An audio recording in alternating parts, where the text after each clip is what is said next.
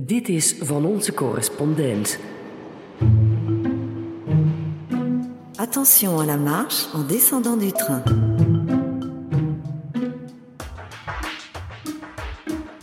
Hallo, mijn naam is Stefan de Vries, ik zit in Frankrijk en vanuit hier neem ik jullie twee keer per maand mee naar Nederlandse correspondenten in alle uithoeken van de planeet.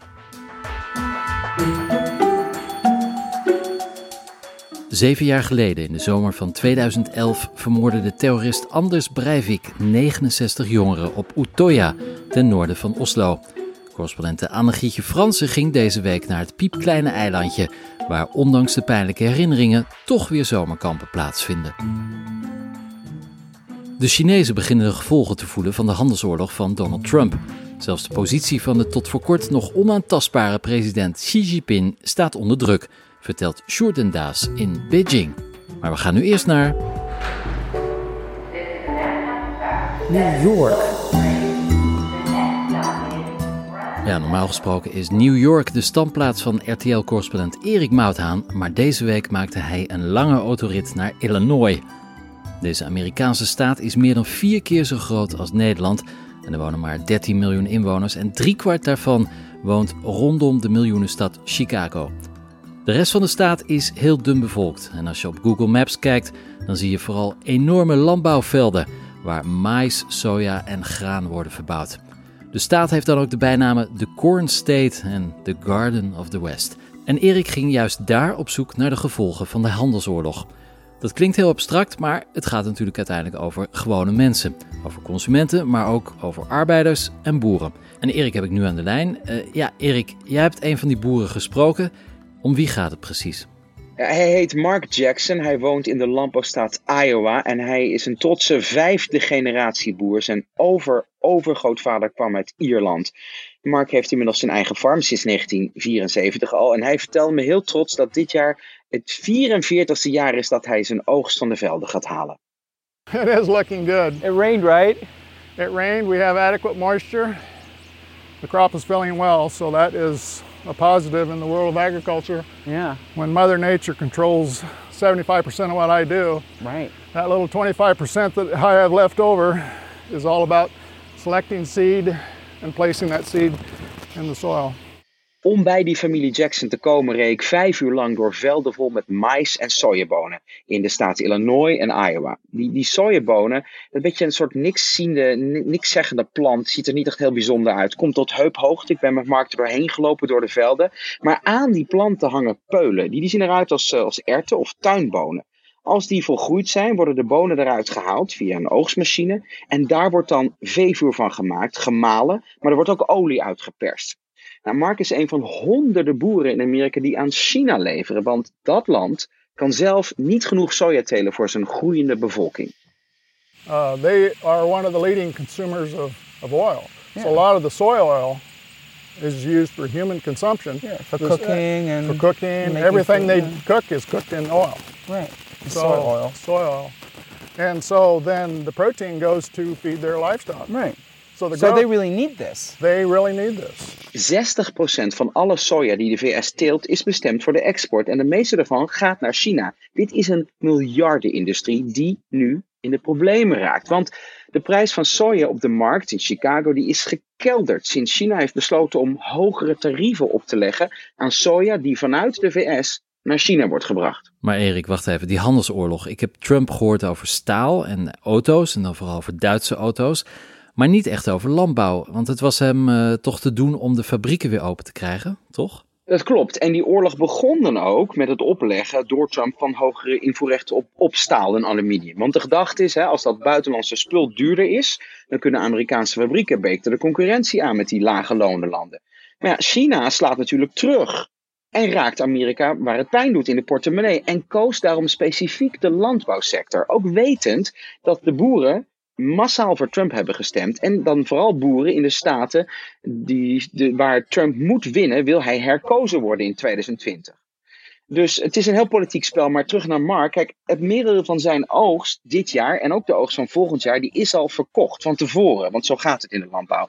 Dus Mark gaat niet meteen failliet. Maar het mag allemaal niet te lang gaan duren. Ja, als het te lang gaat duren, dan komt zijn bedrijf natuurlijk in gevaar, kan ik me zo voorstellen. Uh, en dat heeft hij dan te danken aan, aan Donald Trump. Dus wat ik me afvraag, uh, Erik, heeft deze Mark inderdaad voor Trump gestemd? En, en zo ja, staat hij dan nog steeds achter zijn president? Nou, het was een beetje raar. Hij wilde niet zeggen of hij op Trump heeft gestemd. Ik denk eigenlijk van wel, maar hij hield in het midden. Maar weet je wat het in ieder geval is? Mark zegt, we moeten allemaal verder kijken dan ons eigen belang. Kijk, hij vindt het op zich heel goed dat Trump probeert om Made in America te helpen. Ook al doet dat hem en andere boeren nu tijdelijk pijn. Als het voor het grotere goed is, misschien is het dan acceptabel. Maar het moet niet te lang duren. Toch zegt Mark, weet je, Trump probeert iets heel ingewikkelds te veranderen. Om, om die ingewikkelde handelsrelaties om te buigen in het voordeel van de VS. En dus moet je deze president het voordeel van de twijfel geven. Well, I think in the bigger picture, in the long term, yes, I think the outcome is and hopefully will be better for agriculture because there's. But it hurts now. It hurts now, and that's why they've come out with this uh, $12 billion aid package in an effort that's to a subsidy for you. Do you like that? No. Why not? U.S. agriculture is not used to subsidies. We never have been. Agriculture is being used in a pawn in this conversation, and I think it's important for us to stand behind them, given the fact that we know what we know today.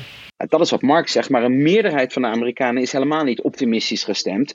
En de kans bestaat dat Amerikaanse burgers de komende weken ook nog eens de gevolgen gaan ondervinden van die handelsoorlog. Hogere prijzen voor allerlei dingen die ze kopen. Maar weet je wat, nou, wat ik het gekste vond, Stefan? Je zou denken dat een boer in Iowa heel ver afstaat van de internationale onderhandelingen over tarieven.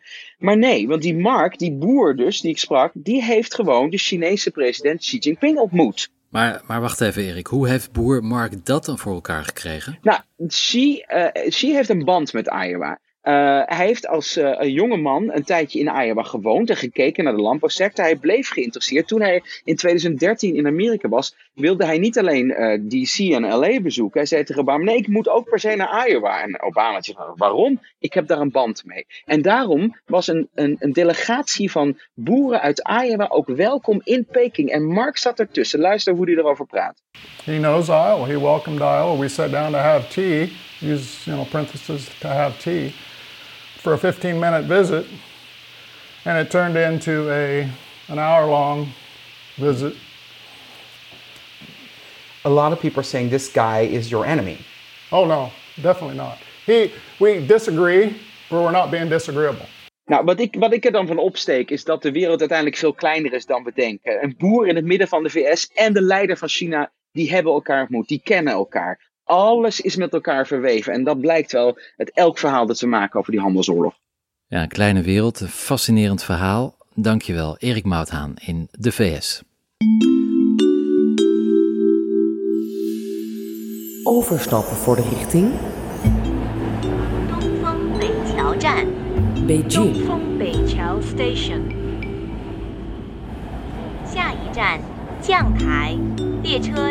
Beijing. Next station. Ja, hoe wordt er eigenlijk op de handelsoorlog met de VS gereageerd in China? En hoe past Beijing zich aan? Daarover praat ik met Sjoerd Den Daas. Hij is correspondent in Beijing voor het Financieel Dagblad en voor RTL Nieuws. En Nihao Sjoerd, ja, we hoorden net de Amerikaanse boer die vertelde dat de Chinezen overal soja ingooien. Uh, is dat echt zo? Zijn ze bij jou verslaafd aan sojaproducten? Nou, dat kun je wel zeggen. Ja, ze zijn uh, vooral afhankelijk van de Verenigde Staten als het gaat om sojabonen. Sojabonen die echt overal in het land tegenkomt. Die gebruikt worden voor de, voor de dierenvoeding bijvoorbeeld, maar die je ook tegenkomt in allerlei soorten oliën, uh, allerlei soorten producten.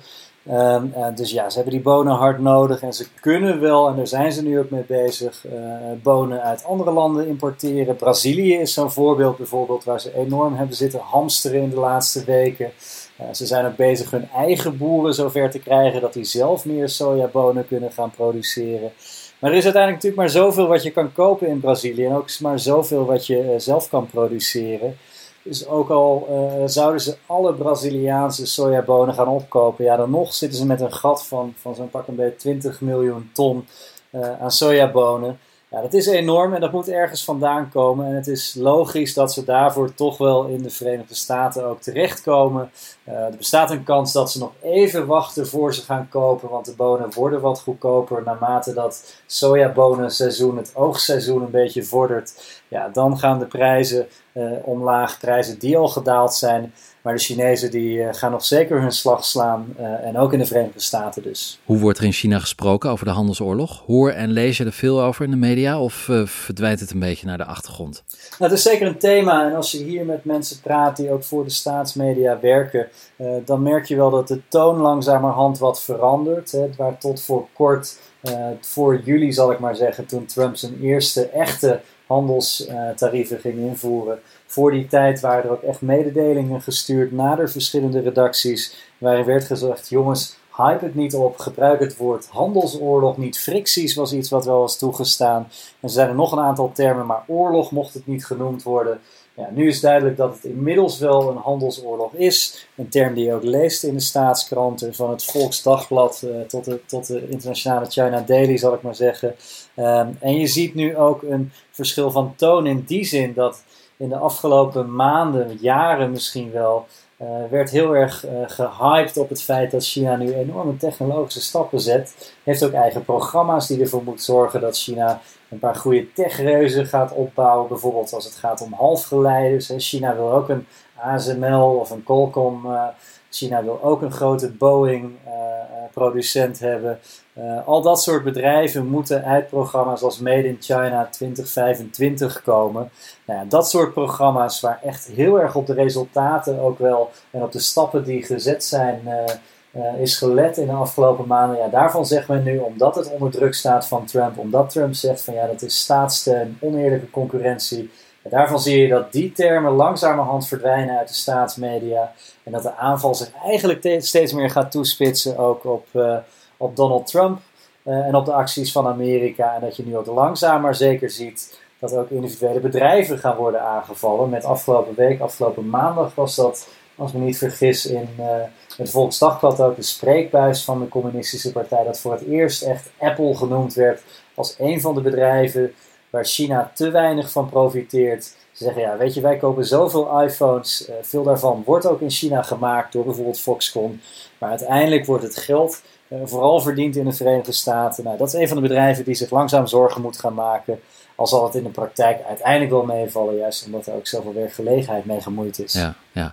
Kan, kan een echte handelsoorlog met de VS de positie van president Xi Jinping in uh, gevaar brengen? Ja, absoluut. Um, hij staat helemaal niet meer zo heel sterk in eigen land. Uh, er zijn steeds meer geruchten uh, dat er toch ook binnen de partijtop wel meer tegengeluid komt. Is het beleid wat Xi Jinping heeft gekozen wel het juiste? Nou dat moeten we vooral doen op basis van de zaken die we horen. Want echte partijtop krijgen we zelden te spreken. Hij heeft een hoop uitdagingen in eigen land al. Met het onschulden bijvoorbeeld. China heeft in korte tijd uh, veel schulden opgebouwd. De economie staat er niet lekker voor. Uh, in bepaalde regio's uh, stijgt de werkloosheid hard.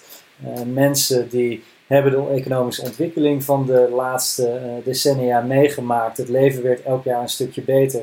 En pikken het nu niet meer bijvoorbeeld dat de voedselkwaliteit niet in orde is of dat de luchten niet schoon zijn. Dus Xi Jinping staat al onder druk. Uh, de handelsoorlog komt daar nog eens bij.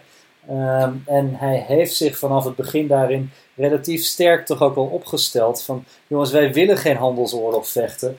Maar als die uiteindelijk door de Verenigde Staten wordt ontketend, ja, dan mijden wij het niet. En dan is het niet dat wij de andere wang toekeren. Nee, dan zullen we ook gaan terugvechten. Nou, die uitspraken leiden ertoe dat hij nu ook echt wel moet laten zien dat hij die uh, alleenheerser is, zal ik bijna willen zeggen, die sterke machthebber, uh, die, die ook dit wel kan managen. Ja, er ligt enorm veel druk op zijn schouders. Kan China zich dit conflict veroorloven? Hebben ze een goede kaart in handen? Nou, bepaalde sectoren zijn ze heel sterk in. Waar het gaat om bijvoorbeeld uh, meubels, televisies, uh, beeldschermen. Ja, dat zijn allemaal sectoren waarin China een enorm groot marktaandeel heeft in de Verenigde Staten. Dat het de helft van de meubels in de Verenigde Staten, de helft van de tv's en bijna driekwart van alle beeldschermen, die komen uit China. Um, dus men heeft daar wel wat onderhandelingskracht. Maar als je kijkt naar echt het grotere plaatje, als je kijkt naar de cijfers, wat gaat er naar China vanuit de Verenigde Staten en wat gaat er naar de Verenigde Staten vanuit China, Ja, dan moet je wel zeggen dat de Verenigde Staten hier wat dat betreft in het voordeel zijn. er zijn nu zo'n 250 miljard, of ik moet eigenlijk zeggen voor 250 miljard dollar aan producten waarop heffingen is gelegd of wat Amerika op dit moment van plan is. Ja, China die exporteert maar zo'n 187 miljard uh, dollar per jaar naar de Verenigde Staten. Dus zij kunnen niet meer met gelijke munt terugslaan. Dus zij moeten echt uit een ander vaatje tappen als zij die stappen, die voorgestelde heffingen, vooral ook van de Verenigde Staten, als ze die willen matchen. Ja, daar zit een, daar zit een plafond op, dus ze moeten uit een ander vaatje gaan tappen. Maar denk je dan niet dat China toch zal aansturen op een oplossing en, en Donald Trump op bepaalde punten tegemoet zal komen? Nou ja, zij willen, zij willen natuurlijk vanaf het begin af aan wilden zij graag een oplossing. Uh, Trump zegt China heeft de handelsoorlog ontketend door bijvoorbeeld de markt niet open te stellen, onze bedrijven te discrimineren, uh, ze te dwingen om kennis over te dragen. Uh, terwijl China zegt nee, de Verenigde Staten is begonnen, want die zijn begonnen met het heffen van, van importtarieven. Um, China wil praten, maar wil niet praten als die heffingen op tafel liggen. Uh, natuurlijk zullen zij aansturen op een oplossing. Uh, China heeft hier, uh, lijkt het, nog wel wat meer te verliezen dan de Verenigde Staten. Um, maar goed, zij zullen het spel hard spelen en zullen dus ook met wat, wat dan genoemd wordt kwalitatieve maatregelen komen. Dus niet meer zozeer op de nummers, maar dan meer op de individuele bedrijven gaan zitten. iets wat je misschien nog wel kan herinneren van Qualcomm, het chipbedrijf uit de Verenigde Staten, wilde NXP uit Nederland overnemen. De enige toezichthouder die daarvoor gaan, eh, is gaan liggen, is de Chinese toezichthouder. Ja, dat zijn meer de dingen waarmee China gaat terugslaan. Uh, het zijn uh, kleine casussen tot nu toe. dat kan veel meer gaan worden. Amerikaanse bedrijven wat dat betreft moeten zich zorgen maken. maar uiteindelijk, natuurlijk wil China gewoon ook een oplossing hiervoor. Alleen is het de vraag hoe ver ze daarvoor willen gaan. Want ze willen echt niet door de knieën voor Donald Trump. Uh, daarvoor heeft Xi Jinping dit spel tot nu toe uh, al te hoog gespeeld. Dus de Chinezen gaan nog niet door de knieën, althans uh, vooralsnog? Vooralsnog, vooralsnog. Er zal zeker weer gepraat worden, maar vooralsnog gaan ze niet door de knieën. En datzelfde zal zeker ook gelden voor Trump. Dankjewel, Sjoerd en Daas, correspondent in Beijing.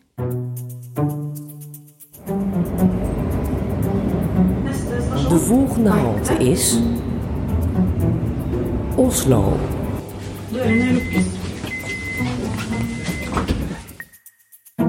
In 2011 veranderde het jaarlijkse Idyllische zomerkamp van de AUF, de Noorse Socialistische Partij, in een bloedbad. De toen 32-jarige terrorist Anders Bering Breivik schoot 69 jongeren dood. Hij werd opgepakt, bekende en veroordeeld tot 21 jaar gevangenisstraf.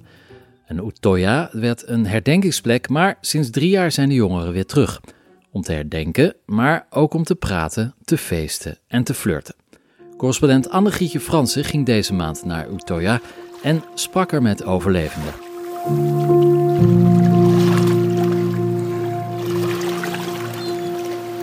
Het is donderdagochtend en ongeveer een uur geleden ben ik vertrokken vanuit Oslo. Ik heb de bus genomen en daarna de boot. En nu sta ik op de kade van Utoya. Dit eilandje in een fjord ten noorden van Oslo is al sinds de jaren 50 in het bezit van de jongere tak van de Noorse Arbeiderspartij, of de AUF. Het is een klein eiland. Je loopt er misschien een minuut of twintig omheen. Het is begroeid met sparren en coniferen. Er is wat niveauverschil, er zijn wat heuvels.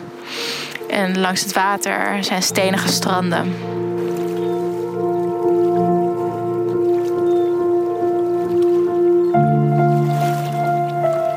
Dat me net naar de overkant heeft gebracht, is dezelfde veerboot als waarmee zeven jaar geleden Anders Bering Breivik dit eiland bereikte. Het was een zomerdag, ongeveer als deze, op 22 juli. En de rechtsextremistische Breivik had net bij het parlementsgebouw in Oslo een autobom tot ontploffing gebracht. Hij kwam verkleed als politieagent naar dit jaarlijkse zomerkamp op Utoya.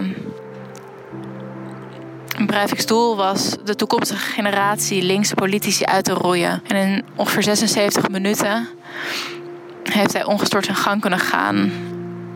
Hij vermoorde in die tijd 69 kinderen, jongeren en kampbegeleiders. En na 2011 is er een tijd lang discussie geweest over of het jaarlijkse zomerkamp hier nog wel plaats moest vinden. it was really hard. I mean, just after the day after the terror attack, the leader said we're going back, but not everyone thought that was a good idea. Some people thought that's not possible. It's not possible for us to do that, and a lot of a lot of people, including myself, didn't see themselves going back ever. Dit was immers het eiland, de plek waar al een halve eeuw geëngageerde jeugd samenkwam in de zomer. Een paar jaar lang is het zomerkamp hier overgeslagen. Het was te pijnlijk en nog te rauw. En er werd gezocht naar een midden. Een midden tussen een eiland waar kon worden gerouwd en herinnerd. En een eiland voor de nieuwe generaties jonge Noren. De nieuwe activisten, nieuwe politici. Maar nu, deze week in augustus, is het eiland van de toekomst. Bijna duizend jongeren komen deze dagen van het heel Noorwegen met een tentje en testosteron naar Utøya getogen. We have a lot of like really deeply politically engaged people, we, but we also have people that uh, believes our our views, but are mainly here to play football or to find a new girlfriend or. Is this a good place to find a new girlfriend? yeah, it is. Actually, in 2006, we were called the best uh, place to uh, hook up in uh, Norway. Dit vertelt Stieg Harlem Harris mij. Hij is een bestuurslid van AUF en een van de laatste actieve leden in de jongerenpartij die erbij was op de 22 juli. Hij was toen een 16-jarige puber. I was just dropped off by my mother. Say goodbye, see you in one week. Marta Hofzoy, een ander bestuurslid van AUF, was hier in het henghuis op het moment dat Anders Breivik Utøya bereikte. when the terror attack started, I was here in the. We had like now it's uh, the part of the uh, building that's cut off, but I was here at the kitchen uh, doing the dishes. so that's when uh, uh, when it's where I was when it started, and then I was. Uh, I you probably saw You were actually in this in this room when Yeah. he was here. Yeah, it was. So then we were. I mean, it was of course chaotic, and um, a lot of people. Then he came up the stairs. I'll show you the. So it was like this, out towards the tents. So and then he came up these stairs, and started to shoot. So And you were hiding out here, or you had run to no, another then we ran out the other way and down to place down there near the, the lake. It's called. I can show you. How how do you carry it with you in your day to day life? Is it something that comes up every day or every week, or is it always there? Or can you forget about it for a while? I think it's that's a really hard question to answer because I think in some way I can like separate my life in the time before and the time after July 22nd because everything kind of changed and you know everything you think is safe and and you, it's just carried it's just taken away from you and you have to find a new sort of balance in your life but at the same time I don't know. I think, uh, yeah, I think I carry it with me, uh, but it's not. I don't always think about it, but I think it's kind of part of me and uh, part of who I am. Yeah. Yeah.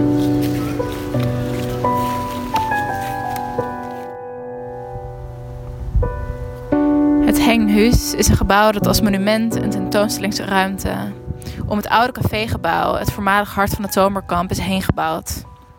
In het deel van het cafégebouw dat nog overeind staat zijn de littekens zichtbaar van de 22 juli. Hier hebben heel veel kinderen zich op die bewuste dag schuilgehouden. En 13 van hen werden hier doodgeschoten. Achter de oude piano zie je nog de kogelgaten in de muur. One of the biggest uh, struggles for us was what to do about this building that was here, because um, I think 13 people lost their lives inside this building, and it was it's really central on the island. So as you can see, it's I mean it's in the middle of everything, and a lot of people, including myself, were like, we don't, we can't have this building here because it's it's too much. It's uh, too much to see, and it's you can see the fiscal. You've been there, so you, you've seen it. Um, it's very it's very emotional, and it's a lot.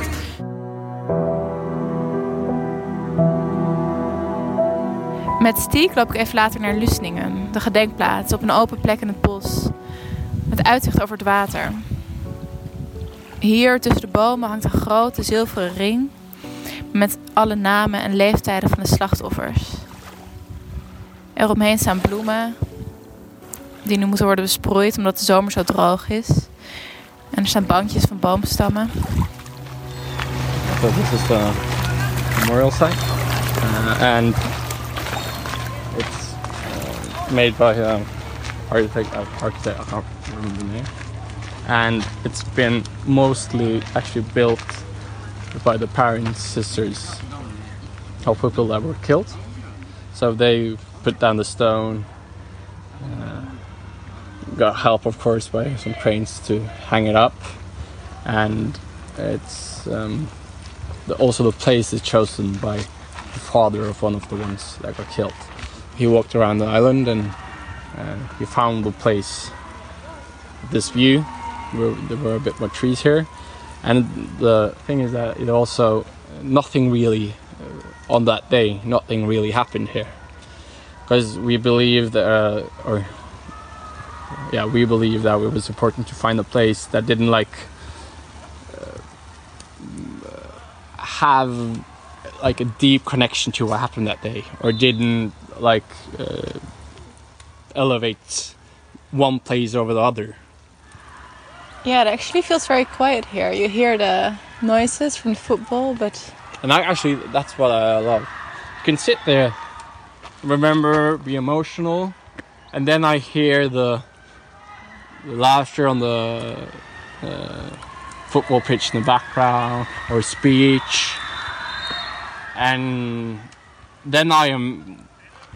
That's when I like think of that we actually managed to do this. We managed to honors what lost. We managed to make island that could tell the story of what, what happened and how to fight it, and also make it a place of new AUFers and other youths to have their memories, good, bad in some ways, uh, like uh, if you got, get broken up with or lose a football match, and have get a new generation of youths to fight for what they believe in and have a great time.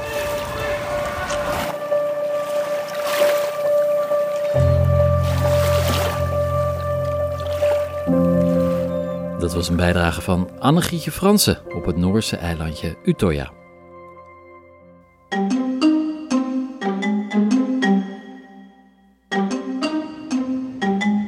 Overstappen voor de richting Europaplein. Amsterdam. In Amsterdam zit het magazine 360, waarmee Van Onze Correspondent samenwerkt. En iedere twee weken brengen zij een selectie van artikelen uit de internationale pers, vertaald in het Nederlands. Het nieuwe nummer ligt komende week in de winkels en Pieter van der Blink van 360 vertelt wat erin staat. Bonjour Pieter. Bonjour Stefan. Ja, wat is volgens jullie deze week het opvallendste artikel in de internationale kranten en tijdschriften? Nou, ik wil je eh, meenemen naar Syrië. Ja, dat blijft natuurlijk een belangrijk onderwerp om daarover te praten. Helaas, het is nog steeds eh, oorlog daar. En ehm, de krant L'Orient Le Jour. Ja, L'Orient Le Jour. Een goed Libanees dagblad, altijd scherp. Franstalig wordt gemaakt in uh, Beirut inderdaad, de hoofdstad van Libanon. En uh, je zal met me eens zijn, het is een van de beste bronnen die we hebben om geïnformeerd te blijven over de Arabische wereld, het Midden-Oosten. Een mooie, solide krant. En die maken een analyse eigenlijk van de staat van het Syrische leger. Het leger van Assad. Kijk, de oorlog in Syrië duurt nu bijna 7,5 jaar. En deze week um, vierde de regering van Assad eh, het feit dat ze nu eh, de weg naar het zuiden, waar Syrië grenst aan Jordanië, dat ze daar ehm, de wegen weer open hebben voor verkeer en handel. En dat werd gebracht als een, eh, als een grote overwinning. En bij die gelegenheid staat Lorient Le Jour stil bij de vraag van hoe staat dat leger er eigenlijk voor? En dan beginnen ze even met de eh, de, de, dag nul, toen, de, toen het conflict begon in 2011. Um, want toen was dat leger eigenlijk helemaal niet voorbereid op zo'n enorme oorlog als het inmiddels is geworden.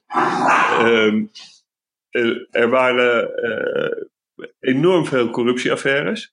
En zoals alles in uh, die contraien zat er ook het religieuze aspect in van conflicten en wantrouwen tussen de Alawieten en de Soenieten die samen dat leger vormen. Die vertrouwen elkaar helemaal niet.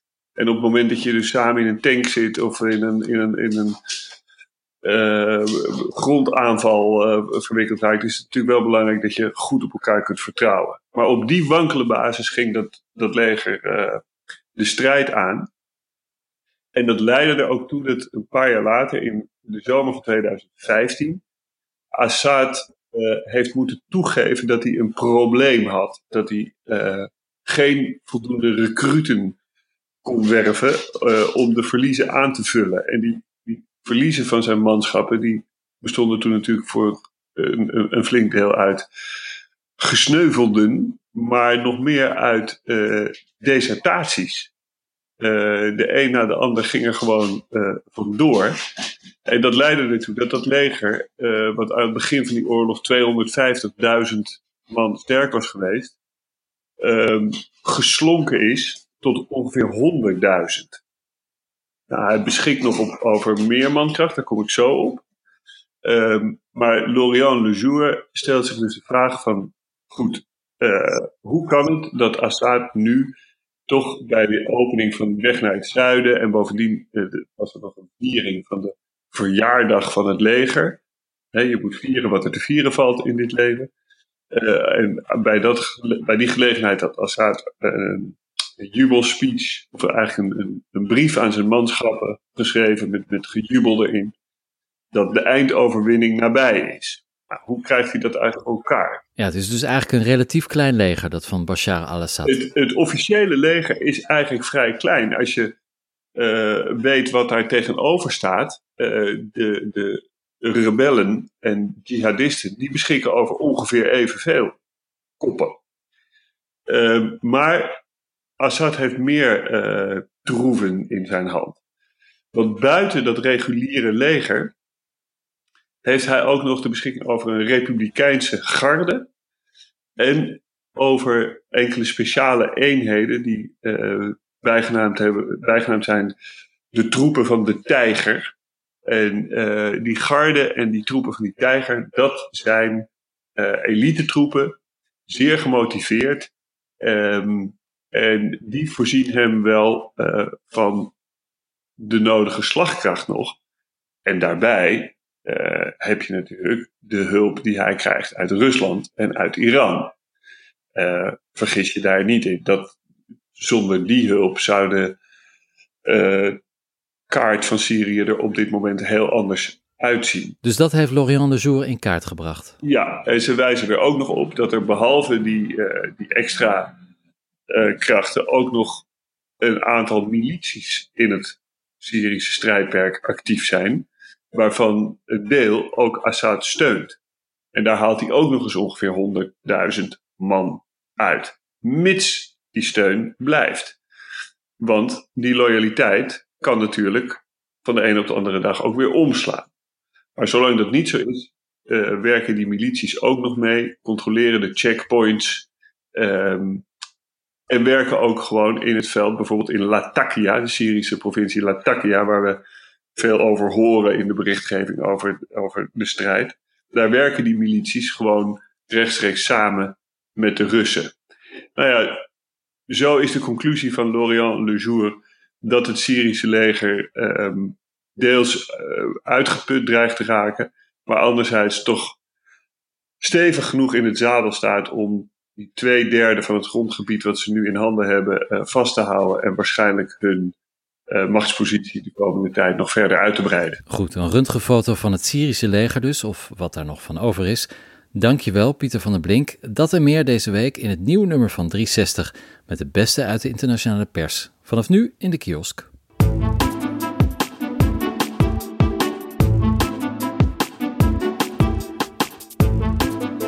Was het voor nu. Als je graag naar deze podcast luistert, deel hem dan met vrienden of collega's of met allebei. We sluiten af met de nummer 1 hit Ergens ter wereld. We hadden het net over Noorwegen. En daar staat eh, de lokale zangeres Domine Harket deze week op 1 met de zomerhit The Dark Side. En al die internationale tracks staan ook op onze playlist in Spotify. Even zoeken op Van Onze Correspondent Muziek. Voor nu, dank voor het luisteren. Kijk voor andere boeiende podcasts op www.dagenacht.nl. Wij zijn er weer over twee weken met een nieuwe aflevering van Onze Correspondent. Tot dan, au revoir.